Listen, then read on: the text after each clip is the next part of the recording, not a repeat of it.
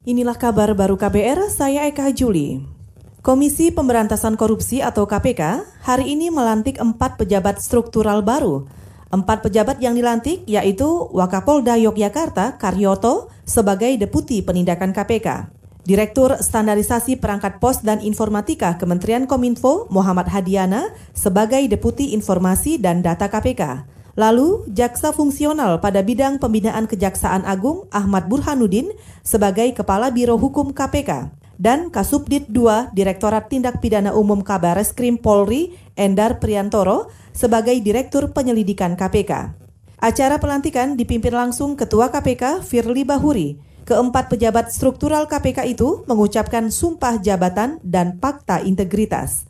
Mereka terpilih setelah menjalani serangkaian tes, yakni tes administrasi, potensi, wawancara dan kesehatan sejak Maret hingga April. DPR hari ini mengagendakan rapat kerja pembahasan rancangan Undang-Undang Omnibus Cipta Kerja dengan pemerintah.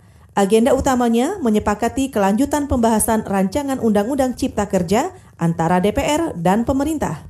Langkah DPR ini menuai banyak kritik. Salah satunya adalah Pusat Studi Hukum dan Kebijakan Indonesia atau PSHK. Lembaga non-pemerintah ini mendesak Presiden menunda rapat kerja hari ini.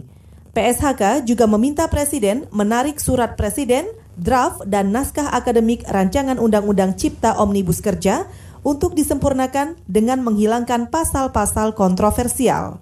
Dalam rilis tertulisnya, PSHK mendesak DPR menunda pembahasan seluruh rancangan undang-undang termasuk rancangan Undang-Undang Omnibus Cipta Kerja sampai masa darurat bencana nasional COVID-19 dan darurat kesehatan masyarakat berakhir. Saudara Kamar Dagang dan Industri atau Kadin mengimbau pelaku usaha tertib mengikuti aturan pemerintah terkait pembatasan sosial berskala besar atau PSBB. Ketua Komite Tetap Industri Pengolahan Makanan dan Protein Kadin, Thomas Darmawan, mengingatkan hal itu karena masih banyak karyawan yang pergi bekerja saat penerapan pembatasan. Biasanya mereka ngajukan ke Kementerian Perindustrian, nanti Kementerian Perindustrian akan mengeluarkan suatu surat bahwa si A ini perusahaan ini boleh bekerja. Artinya yang tidak minta kan uh, harus libur. Sebenarnya ada aturannya dan Menteri Perindustrian kan sudah mengeluarkan aturan juga untuk industri ya. Hmm. Kalau untuk perdagangan saya pikir kan uh, sudah jelas ya. Uh, Menteri Perdagangan juga bikin aturan perusahaan-perusahaan supaya uh, kecuali yang di uh, supermarket ataupun yang jual jual toko farmasi atau apa logistik ya itu boleh berdagang ya.